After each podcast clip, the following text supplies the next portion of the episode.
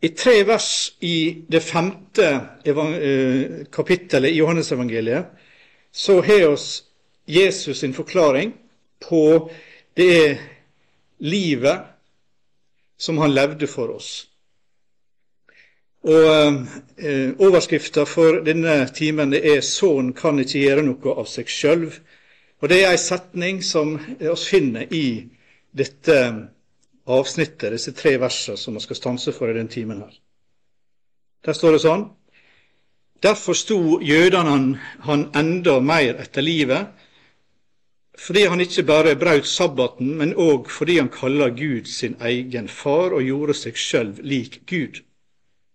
Jesus svarer da og sa til dem, sannelig, sannelig, sier jeg dykk, Sønnen kan ikke gjøre noe av seg sjøl, men bare det han ser Faderen gjøre.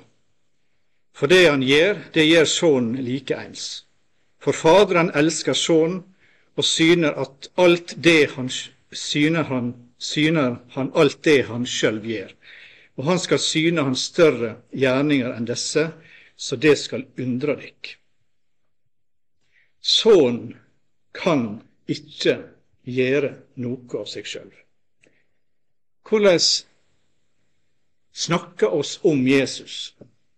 Hvordan framstiller oss Gud? Jobb han fikk, eh, Midt i sin lidelse så fikk han denne testen på slutten av Jobbs bok. Han har snakka sant om meg, sier Gud. Han har tala rett om meg. Og i, eh, eh, til korinterne så skriver Paulus noe om, at, om en annen Jesus enn den han hadde forkynt, eh, som de mer eller gjerne ville omfavne. Men det var en annen Jesus. Hvem er Jesus? Hvordan framstiller oss Jesus? Legger oss vekt på å, å bestrebe oss på å framstille Jesus slik som Bibelen taler han til oss. Og så er tidligere timer gått gjennom eh, f.eks. denne historien om Jesus som møtte kvinner ved Sykarsbrønn. Eh, og en, eh, en amerikaner, eh, pastor for mange mange år siden, som heter Ray Stedman, som jeg bruker en del av i disse timene her, han, eh, og som jeg er stor tiltro til, han, han, skriver noe om at i Hvorfor var det at Jesus kjente denne kvinnen? Jo, det er åpenbart, skriver han, at Jesus hadde vært flere ganger i Sykar, eller i, i, byen her. Og han visste hennes historie, kjente hennes historie som bakgrunn. Og Det er ganske underlig eh, for meg å lese noe sånt. Denne kvinna hun sa jo 'Kom og se en mann som har fortalt, sagt meg alt jeg har gjort'. Han skulle vel ikke være Messias? Og Hele denne undringa hos henne var jo var på en måte eh, det at han kjente henne uten å vite noe om henne, var på en måte det som gjorde at hun eh, forstår dette er Messias. Så en sånn eh, framstilling av at eh, hun storma inn i byen, og han skulle vel ikke være Messias. Folk i byen sa slakk, ro deg ned. Han har vært her mange ganger, han har gravd fram mange ting om deg, så dette er ikke noe spesielt. Nei, folket var enig med henne. Denne mannen var, eh, var, var Messias fordi han framsto på den måten at han kjente hennes liv på forhånd. Det samme finner oss hos uh, Natanael i Johannes 1. Uh, Natanael sa til han, 'Hva kjenner du meg ifra?' Jesus svarer sa til han, 'Før Philip kaller på deg, medan du var under fikentreet, så jeg deg.' Natanael, Natanael svarer han, 'Rabbi, du er Guds sønn, du er Israels konge.' Den samme uh, undringa, den samme fascinasjonen, den samme tilbedelsen av Jesus fordi han visste. Hvordan visste Jesus at det svømte en fisk nede i Genesaretsjøen med en, eh, en mynt i, i, i, i kjeften? Hadde han en profetisk gave, eller var det hans egen guddommelighet som gjorde at han visste det? Jeg vil bruke denne timen til å snakke noe om så på fint heite, om, eller side ved det som vi kaller kristologi. Læren om Jesus. Hvordan skal vi forstå Jesus Og forhåpentligvis så skal det lede ut i noe oppbyggelig eh, om dette. Det er flere ulike syn og sprikende synspunkt eh, om hvordan vi skal forstå dette med at Jesus var Gud og menneske. Jesus han har alltid vært evig Gud, men ble inkarnert som menneske da han ble født av ei jomfru i Betlehem. Den tidlige kirke de kaller, fant opp et ord som, heter, for, for, for, som, som betyr gudmenneske. Gudmenneske. Og ble, med det så uttrykte de at Jesus Kristus han er samtidig sann Gud, og han er samtidig som han er, eh, er alt det, det eh, med, med, det som Gud eh, er, og hans fylde og hans egenskaper, samtidig som han er sant menneske. I Han, stender det i Kolosserbrevet 2,9, i Han bor all guddommens fullnad, lekamlig, kroppslig. Og i Jesajas 9, det kjente verset som vi leser i forbindelse med juleevangeliene, for et barn er oss født, en sønn er oss gjeven, og herreveldet hviler på hans skulder, og han skal kalles ved navnet under, rådgiver, veldig Gud, evig Far, fredsfyrste. Så han er sann Gud, og samtidig sant menneske, med alt det som eh, det betyr, eh, og egenskapen som det har. Eh, og så kan lese eh, fra Hebrevet 2 og 4. Derfor måtte han verte brødrene sine lik i alle ting, så han kunne verte en miskunnsam og trufast øvsteprest for Gud, til å sone syndene åt folket. For vi har ikke en øversteprest som ikke kan ha medynk med oss i vår veikskap, men en som har prøvd i alt på samme måte som vi, men uten synd. Det blir mange bibelvers her um, for å underbygge eller understreke det som jeg sier, så være forberedt på det.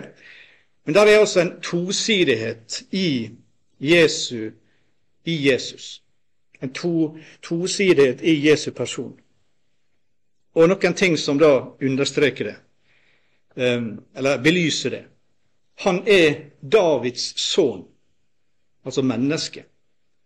Men samtidig er han også Davids herre, altså Gud. Når nå David kaller han herre, hvordan kan han da være sønnen hans? sier Jesus i Matteus 22. Og Jesus han er den første og den siste. Altså han er Gud var død, har blitt levende, altså menneske. Vær ikke redd, jeg er den første, den siste og den levende. Jeg var død, og sjå, jeg er levende i all leve. Og jeg har nøklene til døden og dødsriket, sa Jesus i Åpenbaringa 1.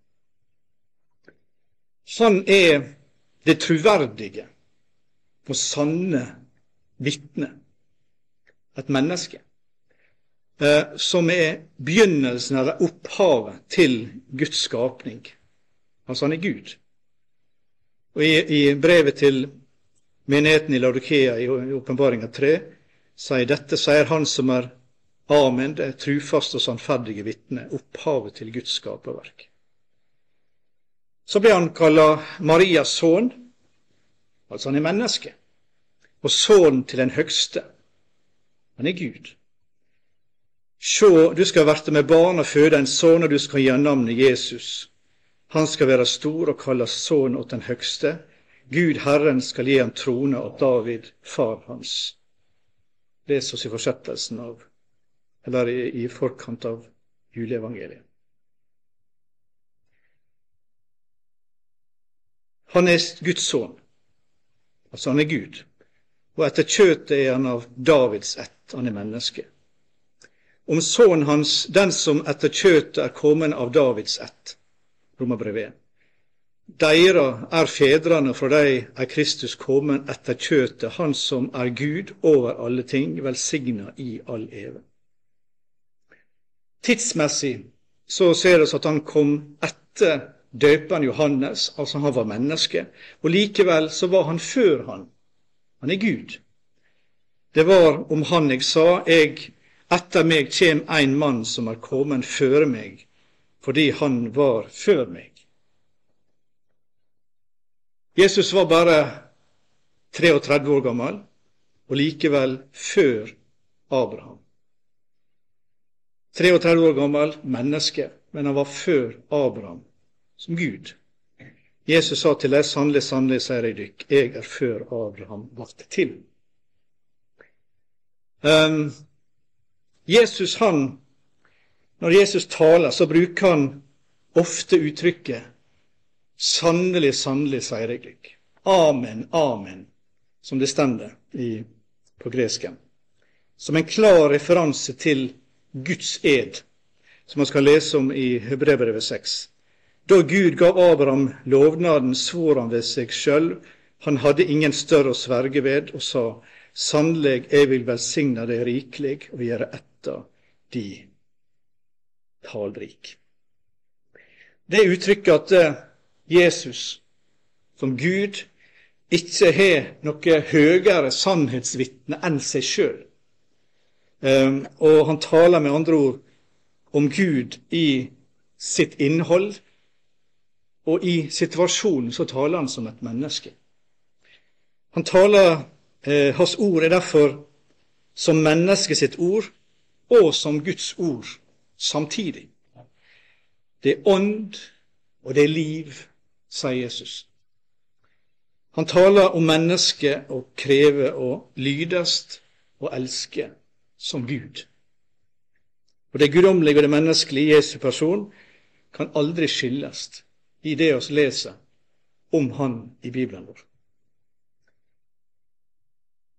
Etter Hans komme i kjød, altså som menneske, er Hans guddommelighet aldri uten Hans guddommelighet og Hans menneskelighet, menneskelighet aldri uten Hans guddommelighet, skriver Aksen Valen Senstad. Ingen har stiget opp til himmelen uten Han som har stiget ned fra himmelen, menneskesonen som er i himmelen. I alt det som han gjør som menneske, så er han samtidig Gud, og omvendt. Og i alt det han gjør som menneske, er han Gud. Derfor er det Gud som lider. Derfor er det Gud som dør for menneskets synder. Det er ikke bare noe som Gud er på en måte litt delaktig i. Det er Gud sjøl som dør for mine og dine synder i sin sønn Jesus Kristus. Og så er det en ting som jeg tror er veldig, veldig viktig å huske på når vi nå skal se litt på disse sidene ved Jesus som vi av og til kan undre oss over. Han som er sann Gud, hvordan kunne han så er det flere ting som vi stanser og stusser over i, i testamentet vårt. Um, det er noe som er veldig viktig, nemlig at Jesu han underordner seg sin far som tjener. Og i, um, i sangen som du finner fra Jesajas 42 og videre utover om Guds lidende tjener, uh, så blir det veldig sterkt understreka at Gud skulle sende eh, Messias. Han skulle være tjener. Sjå min tjener, begynner Jesajas 42, som jeg stør, min utvalgte, som mi sjel har hugnad i. Jeg legger min ande på han, han skal føle, føre rett ut til heidningefolka. Og um, Det er noe av det samme som vi leser om i Filippabrevet 2, som vi skal si litt mer om, og som er omstridt. Eh, og tolka på forskjellige måter. Der skriver Paulus La det sinn være i dykk som òg var i Kristus Jesus, han som da han var i Guds skapnad, ikke heldt det for et røva bytte å være Gud lik, men gav avkall på det og tok en tjeners skapnad på seg da han kom og vart menneske lik.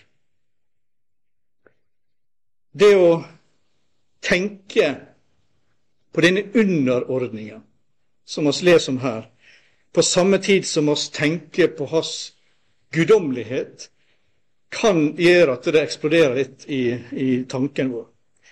Og dette er faktisk et av de vanskeligste temaene i kristen lære å forstå. Og mange eh, eh, muslimer og, og, og, jøder og andre bak, med andre bakgrunn nekter på en måte å godta hele treenighetslæren og forståelsen av hvordan Jesus var som sann Gud og sann menneske. Men også blant kristne så er det vært masse debatt om dette. Og det er litt derfor jeg, jeg bringer det inn, for at oss kan, kan tenke litt over disse tingene. Ofte så har denne tanken om underordning eh, ført til en lære om at Jesus han tømte ut sine guddommelige egenskaper eh, da han ble menneske. Og Forståelsen av dette verset i Filippabrevet 2, eh, avsnittet av 5-7, eh, er altså da eh, folk uenige om. Det betyr da at Jesus ikke hadde all makt, at han ikke var allvitende, at han ikke var allestedsnærværende. Og Den godeste og sjølveste Hallesby, han, han eh, i sitt huslære fra 1936, så gikk han veldig langt i denne, denne tanken som på fint heilte for kenosetanken. Jesus kunne beholdt Eller eh, eh, på at Jesus han uttømte sine egenskaper eh, det han ble menneske, slik at han ble på en måte begrensa i sin innsikt. Hvis vi derimot ser nøye på det avsnittet, det verset der, så handler jo dette om å vise det samme sinnelag som Jesus. Det er det Paulus snakker om. Eh, at han eh, gir oss en formaning om å vise det samme sinnelag, det samme tjenersinnet som Jesus hadde. Det er det som er temaet i det. Jesus kunne beholdt sin opphøyde stilling ved Faderens høyre hånd, sin majestetiske stilling. Men han så ikke det som et røva bytte å være Gud lik. Han steg inn i vår verden og tok en tjenerskikkelse på seg og blei som oss. Ha det samme sinnelag, sier Paulus. Det betyr altså ikke at Jesus han kledde av seg sine guddommelige egenskaper da han ble menneske. Han uttømte seg ikke på den måten men han tok opp i seg det å være menneske og bli en tjener for oss mennesker, for Gud. Um, der er en eh, oss må fastholde at dette er et paradoks. Jeg og du er mennesker. Vi kan aldri forstå hvordan det er å være Gud og menneske. Men likevel, la oss holde fast ved disse tosidige utsagnene om Jesus. For det første, han er i sitt jordeliv allmektig.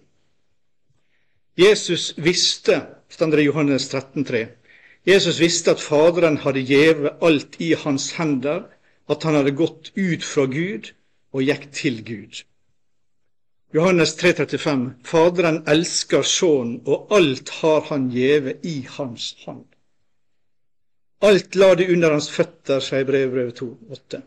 For da han la alt under han, heldt han ikke attende noe som han ikke la under han. Ennå ser vi ikke alt, at alt er lagt under han. Og eh, i verset etter det som er vår tekst, liksom Faderen vekker opp de døde og gir levende, således gjør Sønnen òg levende dei han vil. Så han er sitt jordeliv allmektig. Og samtidig så leser oss om hans tilsynelatende avgrensa makt, slik som vi leste det her i dagens tekst. På Johannes 19, 11 står det Jesus svarer, du hadde ingen makt over meg om du ikke hadde fått henne ovenifra. Lukas 22, 43. Da synte en engel fra himmelen seg overfor han og styrte han. Og mange andre vers kunne vi eh, eh, sitere i den forbindelse. Vi kan lese om at eh, Jesus, når han lever her i verden, så er han eh, allvitende. Um, og vi eh, kan sitere et par vers om det. Johannes 2, 24-25. Jesus sjøl trudde seg ikke til dem fordi han kjente alle, og fordi han ikke trong til at noen skulle vitne om et menneske, for han visste sjøl hva som bodde i mennesket. Og i et av versene med kvinna ved brønnen Du har hatt fem menn, og han du nå har, er ikke din mann. Du taler sant. Um, samtidig så ser oss tilsynelatende ut til at Jesus han het en, en, en avgrensning i sin kunnskap, i sin visdom, om man skal si det sånn. Jesus gikk fram i visdom og alder, stender om Jesus da etter han er tolv år i tempelet, og i velvilje hos Gud og hos mennesket. Samtidig som jeg ser at de var forbløffa over den kunnskapen han hadde, og den viten som han hadde allerede som tolvåring. Han anerkjente at 'dette er min fars hus'. Dagen eller timen kjenner ingen, ikke engang englene i himmelen, ikke engang Sønnen, men bare Faderen, stender det i slutten av Markusevangeliet. Selv om her uttrykket 'men bare' også kan forstås som 'om ikke'. Det er også uenighet om akkurat det. Men eh, tilsynelatende så er det en avgrensning også hos Jesus rundt dette. Og så er dette med at Jesus er allesteds nærværende. Ingen har stiget opp til himmelen uten at Han som har stiget ned fra himmelen, menneskesønnen som er i himmelen, sier Jesus til Nikodemus. Og som jeg allerede sitert om Natanael, før Philip kalla på deg, medan du var under fikentreet, så jeg deg. Samtidig som dette så er han avgrensa til de plassene der han drog og spaserte og leda disippelflokken. Nytt sitat fra Aksen Valen Senstad. Når vi taler om meddelt allmakt, allvitenhet og allesteds nærvær, er det for å understreke at det samme mennesket ikke har disse guddommelige egenskaper i seg selv uten at de meddeles eller gis av Gud. Og han underbygger det med å sitere da ifra Johannes 17. Dette taler Jesus, og han løfter øynene sine mot himmelen og sa, Far, timen er kommet, herliggjør sønnen din, så sønnen din kan herliggjøre deg, liksom du har gjeve han makt over alt kjøtt, så han skal gi evig liv til alle de du har gjeve han. Og Johannes 3, 35, Faderen elsker Sønnen, og alt har han gjeve i hans hand det som kjennetegner Jesus som tjener. Og dette er for meg viktig.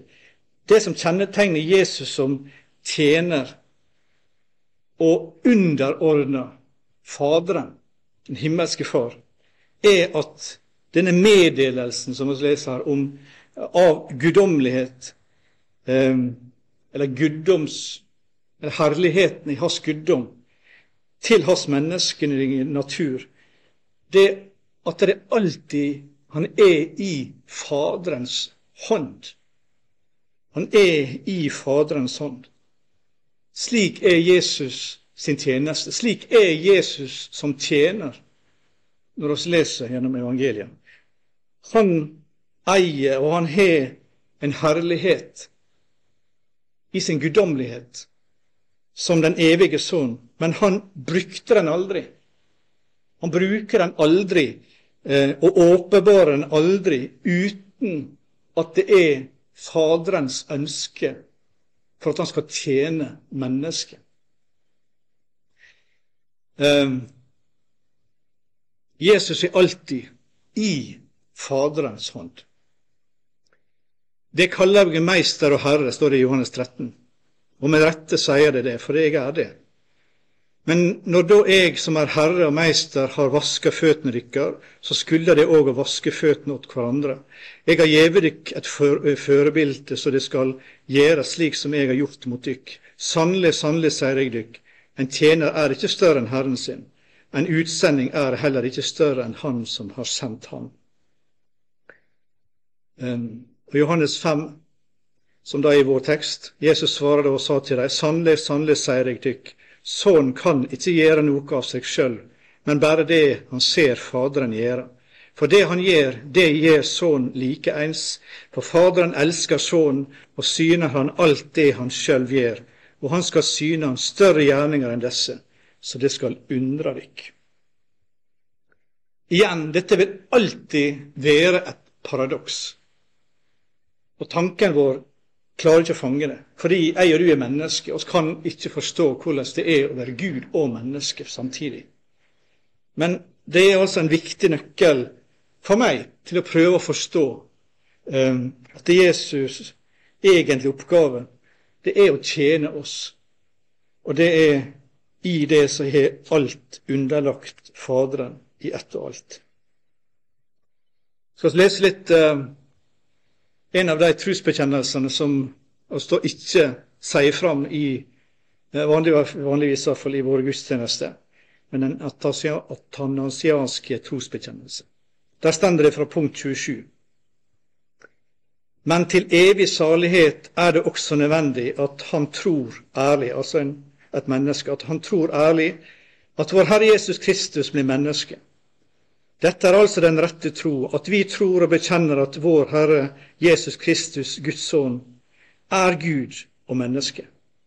Han er Gud av Faderens vesen, født før alle tider, og han er menneske av sin mors vesen, født i tiden. Fullkommen Gud, fullkomment menneske, bestående av fornuftig sjel og menneskelig kjød lik med Faderen etter sin guddom, ringere enn Faderen etter sin manndom. Men enda han er Gud og menneske, er han likevel ikke to, men én Kristus. Én, ikke ved en forvandling av guddommen til kjød, men ved manndommens opptakelse i Gud. I det hele én, ikke ved en sammenblanding av vesen, men ved persons enhet. For liksom den fornuftige sjel og kjødet er ett menneske, således er Gud og mennesket en Kristus. Og Dette er bekjennelser som kom, eh, oppsto som følge av en lang og tøff eh, kamp imot vranglære, imot ulike syn på hvem Jesus var. Og de kjempa eh, med Skriftene, og de kjempa med hverandre og kom med disse dyrebare bekjennelsene om hvem Jesus er, ut ifra Guds ord. Så sånne dyrebare eh, bekjennelse av den, den eh, som vi vanligvis sier på, i gudstjenestene våre, eller denne, skal oss ta vare på og eh, ta det til oss. Sånn kan ikke gjøre noe av seg sjøl. Det er bakgrunnen for at jeg har sagt det jeg har sagt nå. Og Dette er kanskje noe av den mest radikale uttalelsen som vi finner i kanskje hele Bibelen, fordi det indikerer det første skrittet i det å være en kanal for Guds kraft for deg for oss mennesker. Eh, og Nå kommer jeg på en måte til den anvendelsen som dette har for mitt og ditt liv. Eh, nemlig en erkjennelse av at enhver innsats som blir gjort for å bruke Guds kraft til egen fordel for oss mennesker, vil etterlate seg ikke noe annet enn tomhet. Eh, det vil aldri lykkes, altså vil aldri oppnå noe. Hvis vi på en måte tenker at det å være en kristen og det å være besittelse av Guds kraft er noe som skal eh, fremme mine interesser. Jesus mener ikke at det er fysisk og umulig for han å gjøre noe annet enn Faderen. Um, noe mer enn det er fysisk umulig for oss å gjøre ting uten ifra Gud. Uh, det kan oss. Jeg gjør det, du gjør det. Vi gjør ting uten at det er, er Faderens vilje, uten at det er Guds vilje. Og Jesus kunne også ha gjort det. Jesus kunne hatt sin egen agenda. Jesus kunne gjort eh, sine ting. Eh, og videre i beretningen så sier han at Faderen har gitt ham makt til å handle ut av seg sjøl. Jesus kunne ha skapt et helt annet univers med sin makt og sin guddommelighet, eh, som han alene var Gud over, man skal kalle det slik. Han hadde makt til å gjøre det. Men, men hele poenget med denne teksten og denne tanken som jeg vil at vi skal ta inn i denne undervisninga, er at han valgte Jesus valgte aldri å utøve den makta til sin egen fordel, for å støtte sine egne behov. Aldri. Og Dette er forklaringa på hans oppførsel i villmarka, da han, eller ødemarka, da han ble frista av djevelen til å forandre steiner til brød, til sin egen tilfredsstillelse, for å støtte sine egne behov, til å hoppe ned fra tempelet for å få applaus fra folket, eh, eller for å få hele verden for seg sjøl. Han nekta. Han nekta å gjøre det. Og det er nøkkelen. Gud gir sin kraft til meg og deg og alle kristne. Ikke for at vi skal bruke det til vår egen fordel. Og dette er noe av de djupeste hemmeligheten i, i Bibelen, i Skriften. Jesus begynner der. Sønnen kan ikke. Det handler ikke om en fysisk umulighet. Det handler om en moralsk umulighet. Um, jeg sitter en regnskapsfører her, um, og hun kunne gjerne, sikkert, med letthet tatt ut 1000 kroner og invitert uh, noen på middag og kommet unna med det og skjult det. Um, fullt mulig. Men hun ville selvsagt ikke det. Selv om muligheten er der, så ville en selvsagt ikke det. Og det er det som er poenget. Um, oss kan jukse, oss kan lyge, oss kan gjøre hva som helst. Men for en regnskapsfører, forhåpentligvis for de fleste av oss, så vil det bryte med ens egen integritet. Livet vårt ville være kjipt. En total motsigelse av det vi ønsker å stå for. Og Jeg tror det er det Jesus mener når han sier dette. Sønnen kan ikke gjøre noe av seg sjøl. For det kunne han, men han ville det ikke, og han gjorde det aldri. Det han gjorde, det var å adlyde det indre syn, det indre lys som han hadde, sa han hadde, men bare det han ser Faderen gjøre. For det han gjør, det gjør Sønnen likeens. Han ser på sin himmelske Far. Han ser på Gud Fader med det indre lys og det indre blikk. Og når han ser hva Faderens hjerte ønsker å gjøre i en situasjon, så adlyder han ut ifra det. Og Det ser oss i den forrige teksten som vi hadde eh, i forrige time, om hendelsen ved Betestadammen, der det ligger mange som er, er er handikappa, som er skada, blinde, lamme, og likevel Jesu øyne feller på en mann blant de mange. Følte her at det var en mann som, som Gud minte han om skulle eh, få hjelp, hadde nådd et punkt i livet der håpløsheten og nøden var så stor at han var klar til å motta hjelp uten å argumentere og kjempe. Jeg eh, kan sitere også mot slutten her Paulus, som sier noe av det samme i 2. Korinterbrev 3, vers 4-6. Ei slik tiltru har vi til Gud ved Kristus, ikke så at vi av oss sjølve duger til å tenke ut noe som av, som av oss sjølve, men dugleiken eh, vår er ifra Gud, Han som gjorde oss dugende til å være tjenere for en ny pakt, ikke en bokstavpakt, men Andens pakt. For bokstaven slår i hæl, men anden gjør levende. Det erklærer Paulus. Det er den nye pakt, den nye ordninga eh, for mitt og ditt liv som kristne. Og på det grunnlaget så gjorde apostelen det arbeidet, og det mektige og kraftfulle arbeidet som han eh, kan lese om i testamentet vårt. Og her er også hemmeligheten for å få frigjort den kraften imellom Guds folk og mellom oss som kaller oss kristne.